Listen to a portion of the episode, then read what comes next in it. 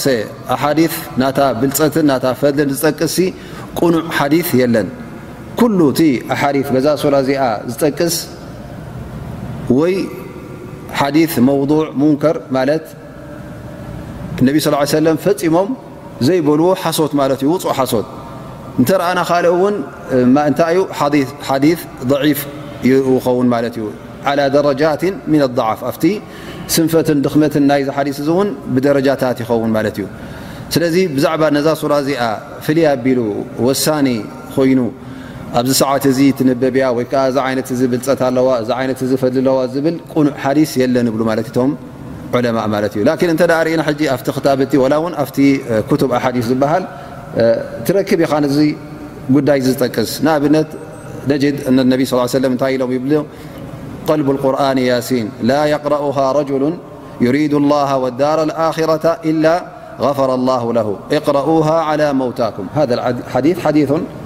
ضعيفا يثنقرال إن لكل شيء قلبا وقلب القرآن ياسين من قرأها فكأنما قرأ القرآن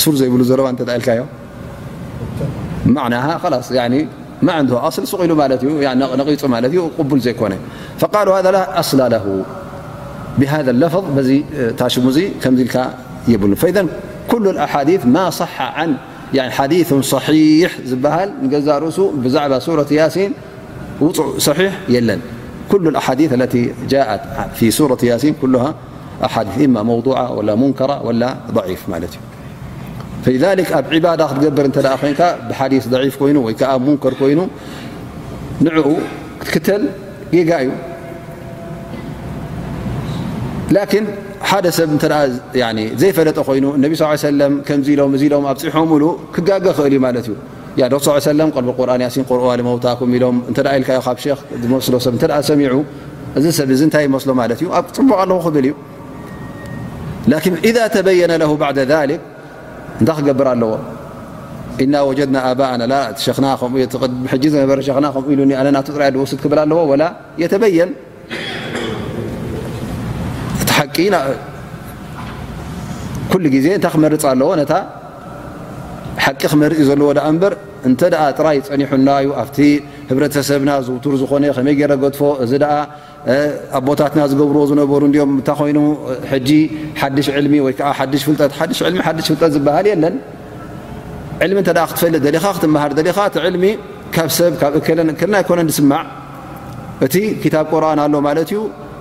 ኣልሓምዱሊላ ክሳዕ ሎሚ ካብ ነቢና ሙሓመድ ለ ላ ለ ወሰለም ጀሚሩ ክሳዕ እዚ ሎም እዚ እዚ ቁርን እዚ ተሓልዩ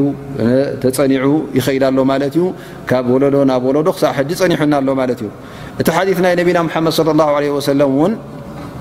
ኣብ ውሩይ ዝኾነ ኣብ ፍሉጥ ዝኾነ ክታብት ኣሎ ማለት እዩ እዚ ክታብት ዝማ እቶም ሙሓዲን ዝበሃሉ በዚ ክታብት እ ዝግደሱ ነቲ ሓዲ ባል ዝኾነ ወይ ከዓ ኮንቱ ዝኾነ ሓ ቅቡል ዝኾነ ሓ ዘይቅቡል ዝኾነ ሓዲ ንኡ ዝመብዩ ኣለዎ ማለት እዩ ንኦም ነሶም ዝበልዎ ውን ናብኡ ተመሊስካ ንኡ ርኢኻ ንኡ ክትክተል ኣለካ ማለት እዩ ስለዚ እዛ ሱራ እዚኣ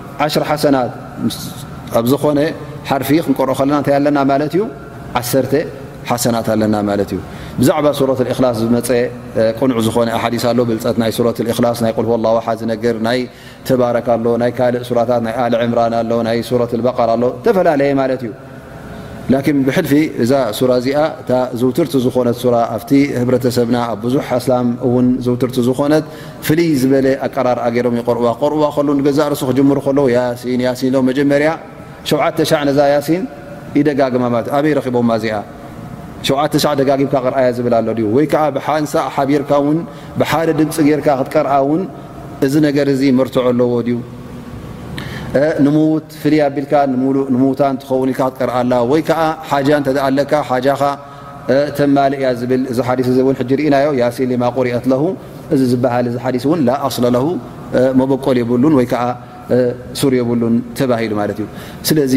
ከምዚ ዝኣመሰለ ተግባራት እንተ ኣሎ ኮይኑ ተዓሊምና ፈሊጥና እንታይ ክንገብር ኣለና ማለት እዩ ነቲ ቁኑዕ ክንሕዝ ኣለና ማለት እዩ እንተ መርትዖ ኣለካ ኮይኑ ነቲ ሕዝካዮ ዘለካ ቀጣቢልካ ሓዞ ብኡ ቀፅል ኢኻ ላኪን መርትዖ ዘይብሉ ነገር እተ ኮይኑ ጭብጢ ዘይብሉ እተ ኮይኑ ብኡ ንክትቅፅል ጌጋ እዩ ስለዚ እታ ምክሪ እንተ ክትወሃብ ኮይና እዛ ነገር እዚኣ እዛ ናይ ሱረት ያሲን ፍልይ ዝበለ መርትዖ ዘለዎ ሰብ እንተ ኣሎ ኮይኑ ነቲ መርትዖ ሒዙ ይኺድ መርትዖ እንተ ዘይብሉ ኮይኑ ጥራይ ትግበር እያ ትበሃል እያ ትቕራእ እያ ቐርእዋ ነይሮም ኢልካ ሒዝከያ እንተ ኣለካ ኮንካ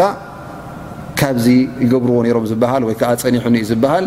ፅባሕ ንግሆ ኣብ ቅድሚ ኣላ ስብሓን ወተዓላ ኣይክጠቕመካን እዩ ኣላ ስብሓን ወተዓላ ዕድል ሂቡካ ኣሎ ሕጂ ንክትመሃር ንክትፈልጥ ዓቕሊ ሂቡካ ኣሎ እቲ ጌጋን እቲ ቕኑዕን ንኽትመምየሉ ኣላ ስብሓን ወተላ ሒሳብ ገብረልካ ከሎ ብኣእምሮ ናይ ካልኦት ኣይክሓስበካን እዩ ብመን እዩ ክሓስበካ በቲ ናትካ ኣእምሮን በቲ ናትካ ስራሕን እቶም ቅድሜኻ ዝነበሩ ይኹኑ ወይ ከዓ እቶም ብድሕሬኻ ዝነበሩ ይኹኑ እንታይ ገይሮም እንታይ ገብሩ ይነበሩን እስኻ ብኡ ኣይክትሕተትን ኢኻ እቲ እትሕተተሉ ኣይና እዩ እስኻ እንታይ ፈፂምካ እንታይ ሰሪሕካ እንታይ ጌርካ እንታይ ኣትሪፍካ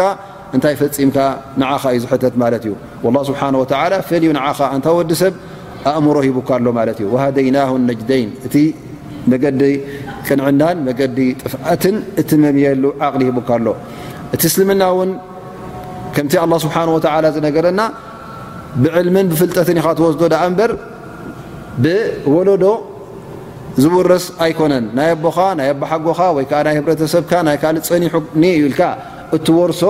ኣይኮነን እንታይ ደኣ ብፍልጠትን ብኣእምሮን እትቐስሞ ኮይኑ ድሕሪኡ መርገጽ ትውስን ማለት እዩ ስለዚ እዚ ነገር እዚ ንኩላህና በሪሁ ንክኸውን ተስፋ ይገብር እዛ ሱራ እዚኣ ሱረቱ ያሲን ሱረቱን መክያ ኣብ መካ ዝወረደት ሱራ እያ እቲ ኣያታት ናታ ውን እንተ ርኢናዮ ሕፅር ሕፅር ዝበለ ኣያታት ይኸውን እናተቓላጠፈ ይመፅእ ማለት እዩ እዛ ሱራ እዚኣ ካብታ ዝሓለፈት ሱራ ክንሪኣ ከለና ካብኣ ዝነኣሰት ትኸውን ግን ቁፅሪ ናይ ኣያታት ናይዛ ሱራ እዚኣ ሰማንያን ሰለስተን ይኸውን ማለት እዩ ሱረት ፋጢር ግን ኣርብዓን ሓሙሽተን እያ መዓኑ ሱረት ፋጥር እንታይ እያ እሳ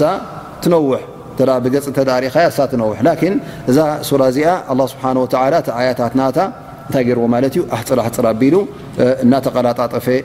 ኣብ ሓድሽ ኣብ ሓድሽ ጉዳይ የእትወካ ማለት እዩ እዚ እውን ኣብቲ ኣብ መካ ዝወርድ ዝነበረ ሱራታት መብዝሕቱ ብከምዚ ዓይነት እዚ ይወርድ ነይሩ ትሕዝቶ ናይዛ ሱራ እዚኣ እውን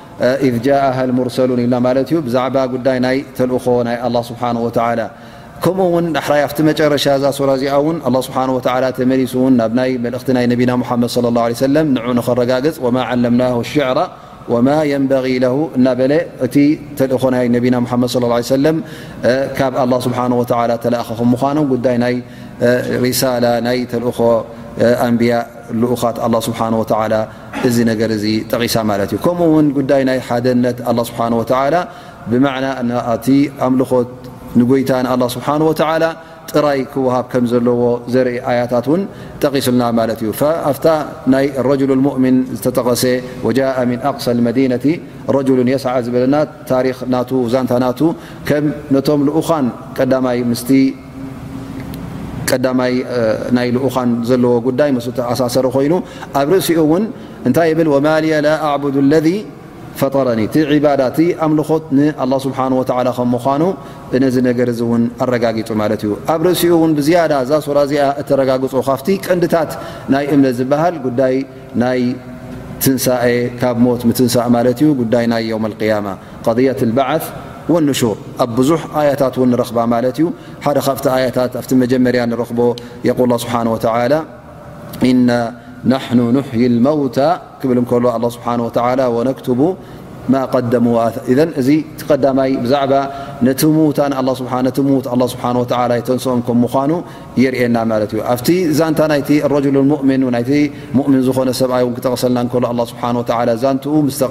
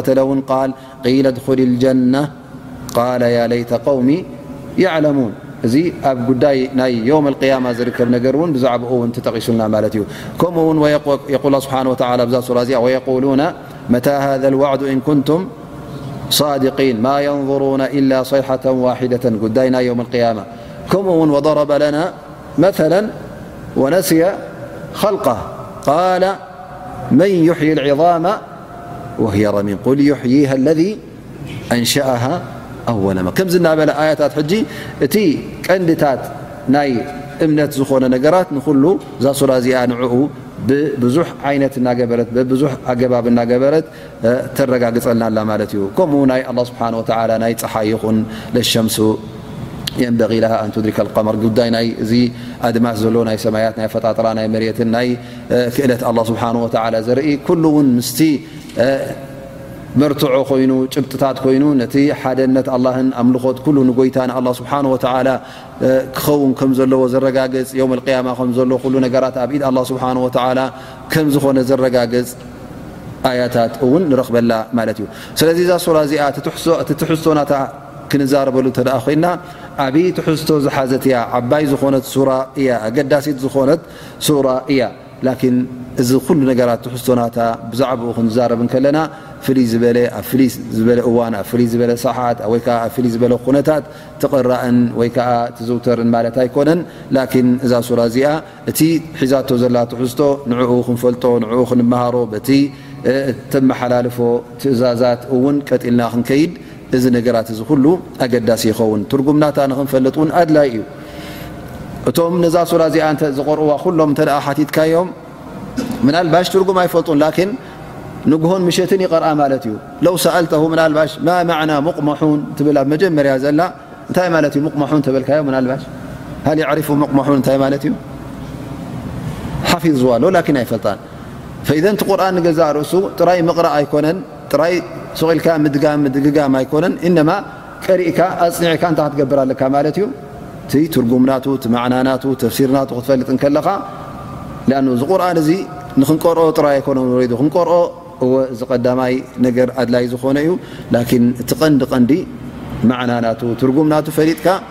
ኣብ ግብሪ ከተውዕሎ ከለኻ እዚ እቲ ቀንዲ ተልእኾ ወይ ከኣ መልእኽቲ ናይ ቁርን። የቁል ስብሓን ወተላ ያሲን እንታይ ማለት እዩ ያሲን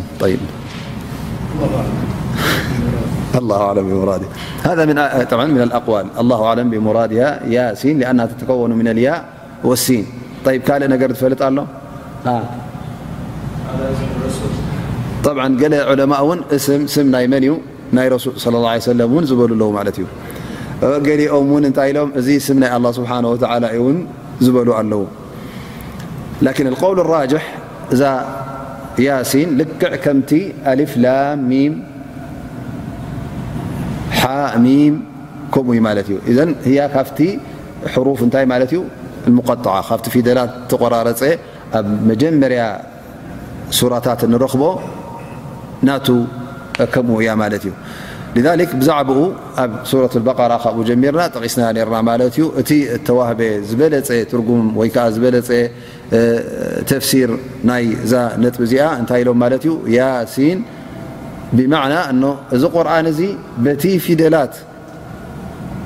በቲ ፊደላት ናይ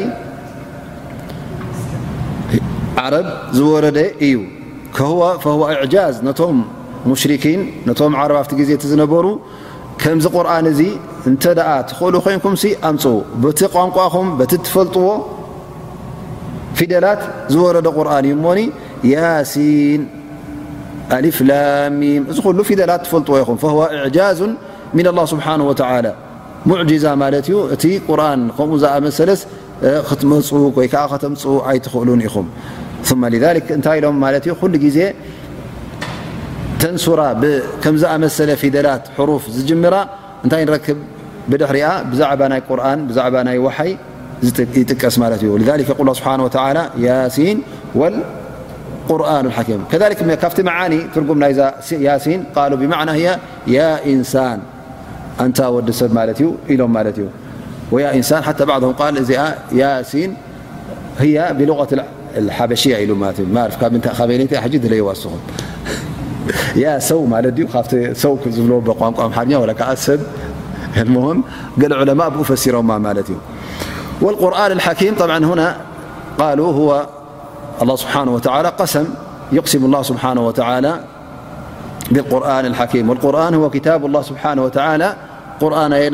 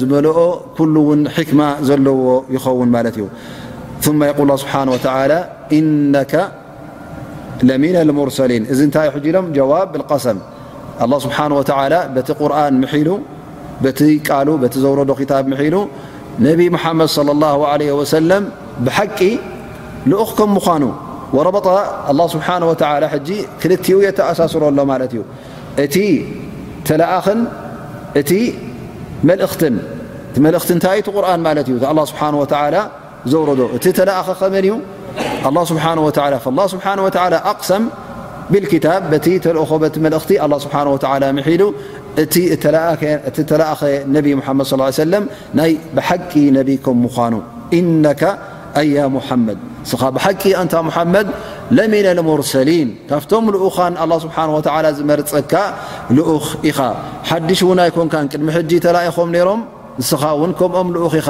ከምቲ ንሶም እቶም ቀዳሞት ዝነበሮም ብልጸት ምሩጻት ዝነበሩ፣ ያ ሙሓመድ ንስኻ እውን ብሉጽን ልኡልን ኢኻ። በል ዩኣኪዱ ኣላህ ስብሓን ወተዓላ እቲ ሒዝዎ መጺኡ ዘሎ መንገዲ እውን ቅኑዕ መንገዲ ከምዃነ ከም ምዃኑ ዓላ ስራጢን ሙስተቂም ኣያ ሙሓመድ ኣንተ ዓላ ስራጢን ሙስተቂም ትሒዝካዮ ዘለኻ መንገዲ ወመንሃጁን ዲኑ ማለት መንገዲ ቅኑዕ ዝኾነ መንገዲ ቅኑዕ ዝኾነ ሃይማኖት ናብ መገዲ ጀና ዝመርሕ የማን ፀጋም ዘይብል ብሩህ ዝኾነ መንገዲ ኣብኡ ኢኻ ዘለኻ ያ ሙሓመድ ዓላ ስራጢ ሙስተቂም ስለዚ እቲ ነቢና ሙሓመድ ሒዞሞ ዝመፁ መልእኽቲ ቅኑዕ መገዲ ከም ምዃኑ ናብ ቅኑዕ እውን ከም ዝመርሕ ናብ ጀና ከም ዝመርሕ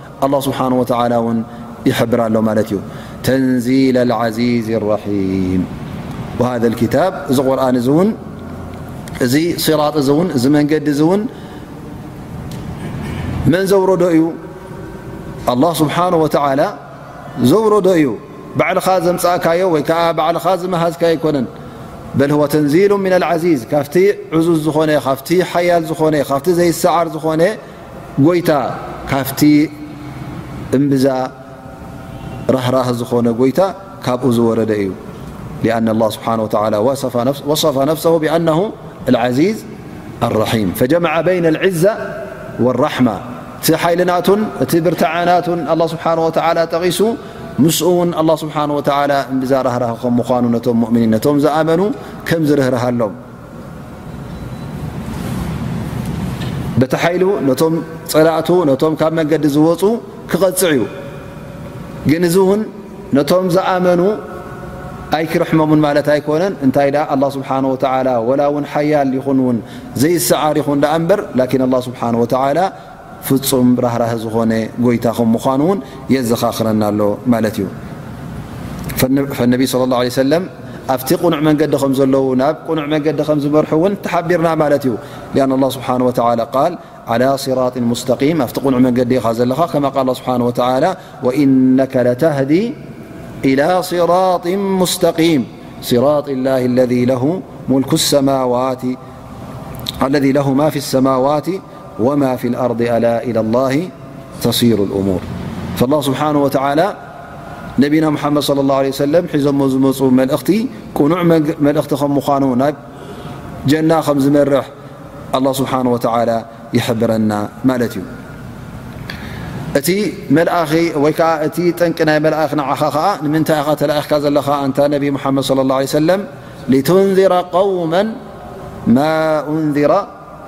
ኣባኡሁም ፈሁም ጋፊሉን እቲ ተላኣኽካዮ ዘለኻ ኸዓ ንምንታይ እዩ ነቶም ቅድሚ ሕጂ ልኡኽ ዘይመጾም ህዝቢ መካ ንዕኦም ንኸተጠንቅቕ ኢኻ ተላኣኽካ ዘለኻ ስለዚ ንሶም ጠፊኦም እዮም ዘለዉ ንሶም ዘንጊዖም እዮም ዘለዉ ጋፊሉን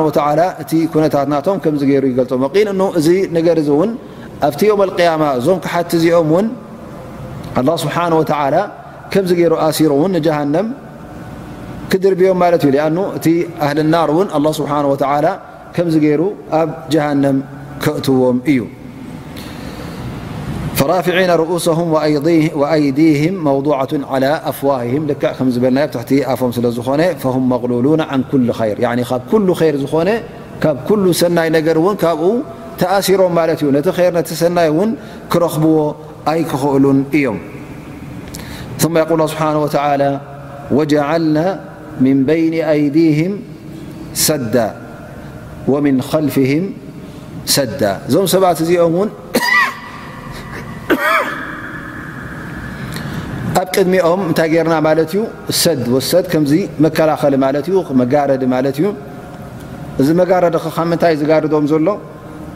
ቃለ ሙጃሂድ ሰደን ዓን ልሓቅ ብቕድሚቶም ይኹን ብድሕሪቶም ብኩሉ ሸነኻቶም ኢዘን ተጋሪዶም ማለት እዩ ነቲ ሓቂ ክረኽብዎ ኣይክእሉን እዮም ፈም የተረደዱን ነቲ ሓቂ ፈፂሞም ኣይ ክረኽብዎን እዮም ላ ስብሓን ወተላ ሃኡላ እዞም ሰባት እዚኦም ኣብ ጥፍኣት ከም ዘለዉ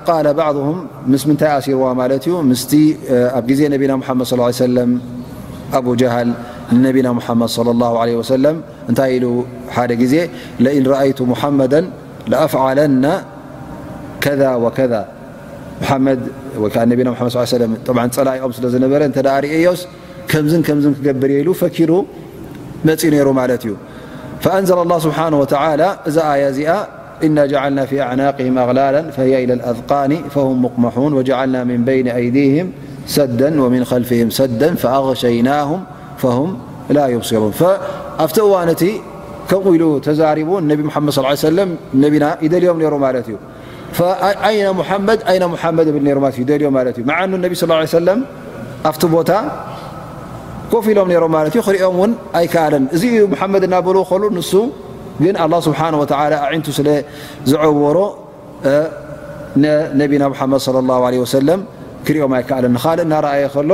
ካብ ነቢና ሙሓመድ صለ ላه ለ ወሰለም ተኸዊሉ ማለት እዩ ባዕض ዑለማ በዚ ፈሲሮማ ማለት እዩ ላኪን ብቲ ሓፈሻዊ ትርጉማን ማዕና ናታ ክትሪኦም ከለኻ እን ኣላ ስብሓን ወተላ እቶም ዝጠፍኡ ሰባት እቶም መገዲ ሓቂ ዘይመረፁ ሰባት እዞም ሰባት እዚኦም ንእከይ ካብ መረፁ ንክሕደት ካብ መረፁ እሞ ከዓ ንኡ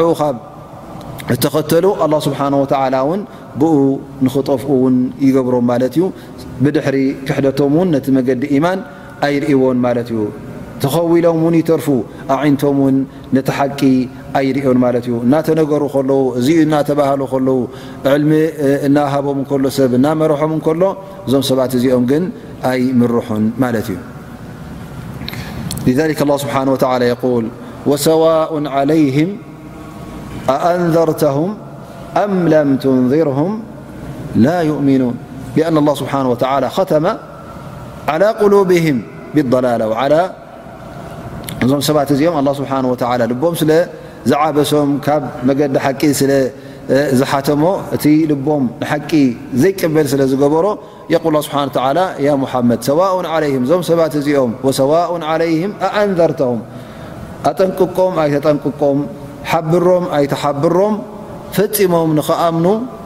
ድልዋት ስለ ዘይኮኑ ኣይከኣምኑን እዮም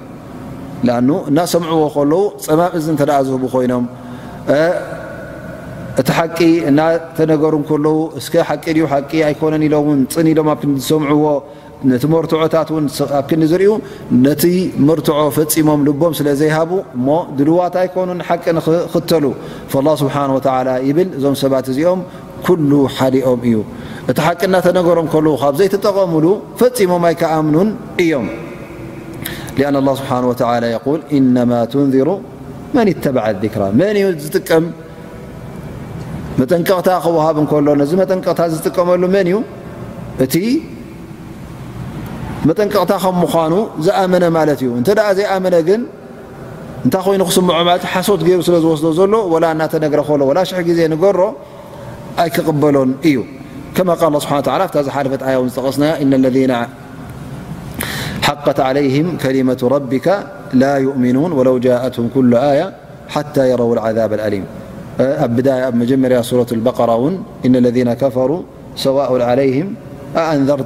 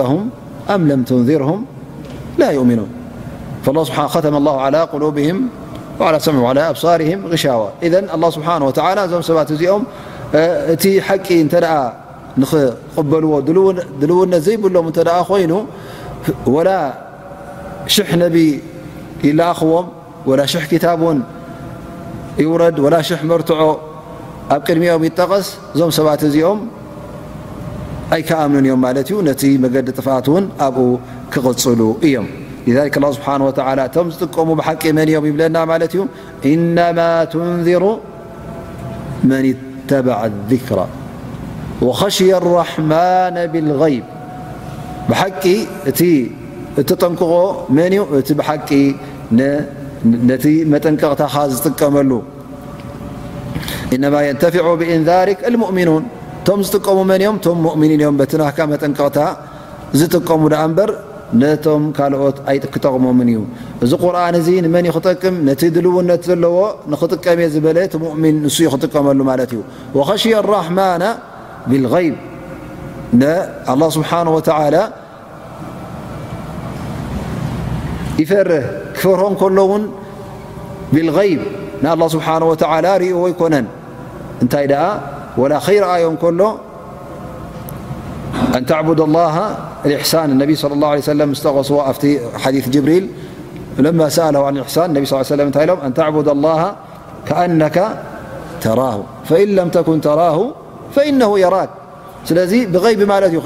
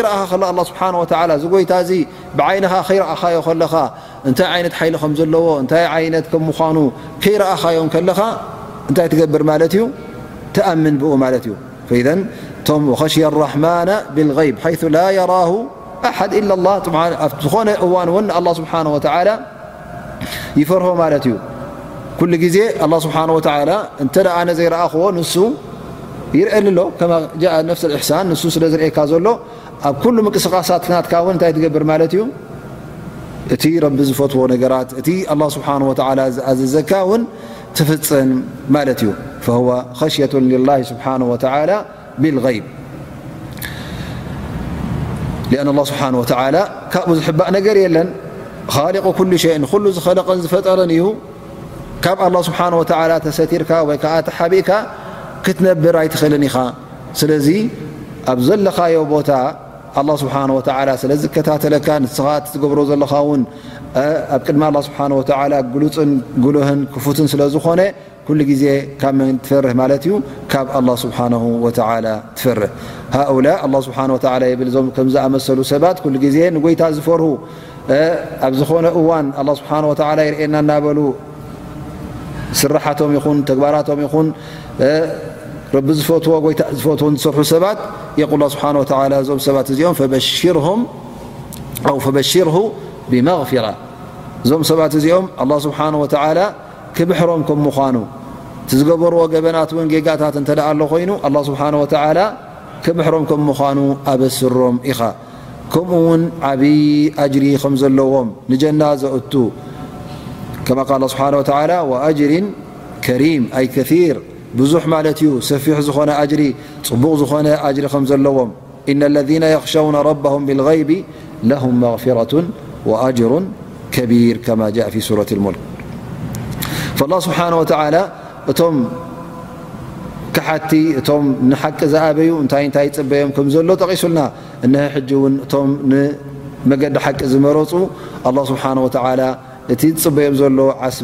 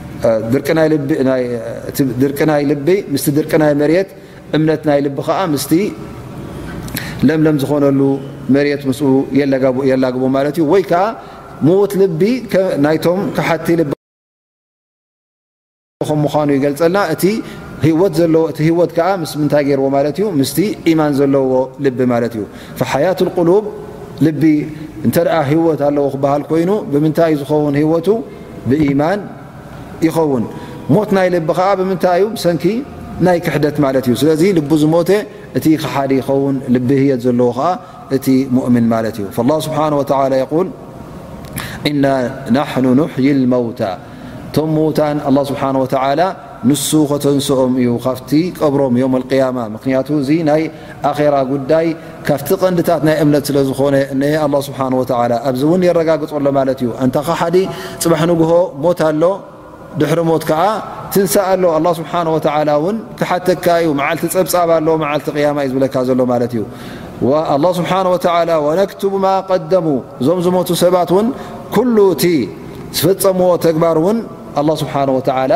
መዝጊብዎ እዩ ዘሎ ኣብ መዝገብ እዩ ዘሎ ካብ ኣላ ስብሓን ወተላ ይዕበ ይንኣስ ዝኾነ ነገር ይጥቀቕ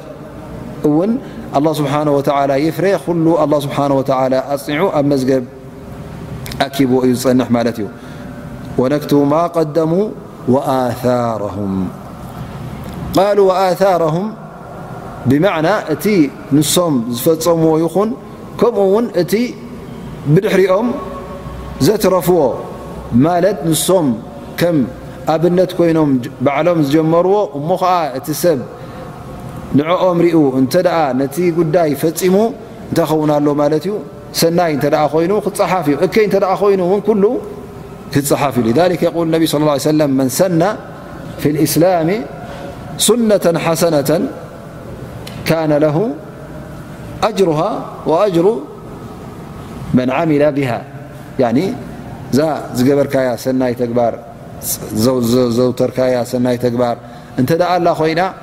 እስኻ በቲ ዝፈጸምካዮ ኣጅሪ ኣለካ ማለት እዩ፣ ሰብ ከኣ ንዓኻ ተኸቲሉ ካባኻ ተጠቒሙ እንተ ቀጺሉ እንታይ ክኸውን ኣሎ ማለት እዩ ንስኻ እውን ኣጅሪ ትረክብ ኣለኻ ማለት እዩ ምን ባዕዲ ምን غይሪ ኣን የንቁሳ ምን እጁርሂም እቶም ዝገብሩ ዘለዉ ብድሕሬኻ እቲ ዓስቢ ናቶም ክጎድል ማለት ኣይኮነን እቲ ኣጅሪ ናቶም እንታይ ደኣ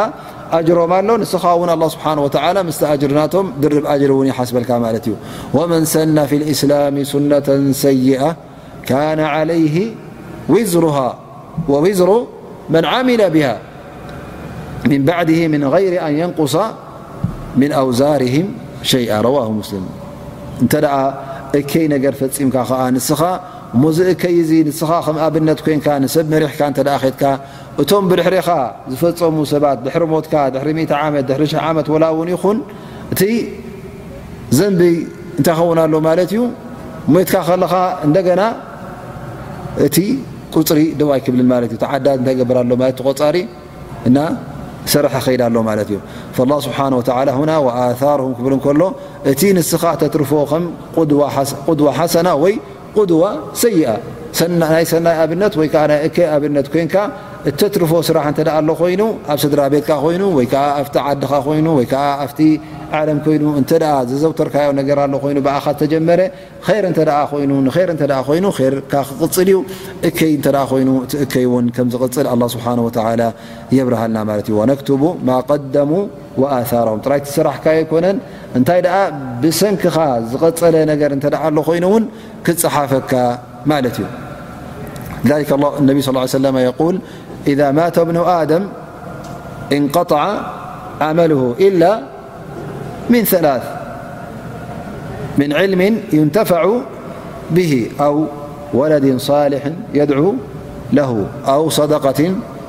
ጃርየት ምን ባዕዲ ወዲ ሰብ እተ መይቱ ኢሎም ነቢ صለ ه ሰለ ተግባራቱ ደው ክብል ማለት እዩ ማለት ኣይና እዩ እቲ ኣጅሪ ዝውስኸሉ ተግባራት ዓመል ሳልሕ ዝበሃል የለን ኢላ ካብ ምንታይ ክኸውን ኣሎ ማለት እዩ ወይ ዘትረፎ ፍልጠትን ዕልምን እተ ኣሎ ኮይኑ ዘምሃሮም ሰባት ኣለዉ ኮይኖም በቲ ተማሃርዎ ካብኡ እቲ ትምህርቲ ክነዝሕዎን ክዝርግሕዎን ወይ ከኣ እዚ ትምህርቲ እዚ ኣብ መጻሕፍቲ ዝገደፎ እንተ ኮይኑ በቲ ዝገደፎ መጻሕፍቲ ሰብ ተጠቒሙ ተማሂሩ ከይዱ እንከሎ እንታይ ኸውን ኣሎ ማለት እቲ ኣጅር ናቱ እናቐጸለ ከይድ ኣሎ ማለት እዩ ወይ ወለድ ሳልሕ ሳልሕ ዝኾነ ውላድ እንተ ኣለዎ ኮይኑ እዚ ወዱ እዚ እንታይ ክገብረሉ ዱዓ ክገብረሉ ከሎ እቲ ዱዓ ናቱ እንታይ ይኸውን ቀጻሊ ይኸውን ማለት እዩ ኣው ሰደቃትን ጃርያ ባዕልኻ ዝገበርካዮ ሰደቃ እንተ ኣሎ ኮይኑ ኣሎ ሰደቃታት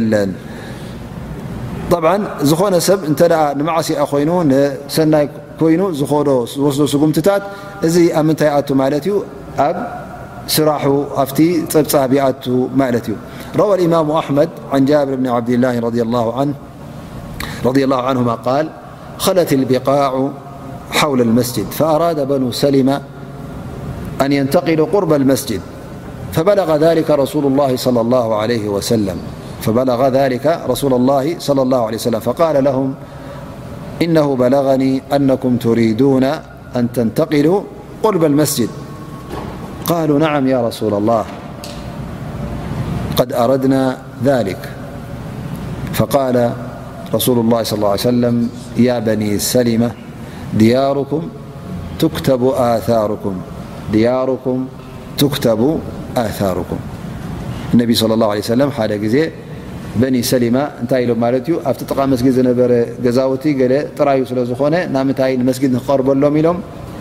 ናብኡ ንገዛ ንክቕይሩ ይሓስቡ ከም ዘለዉ ነቢ ለ ላ ለ ወሰለም ሰሚዖም ማለት እዩ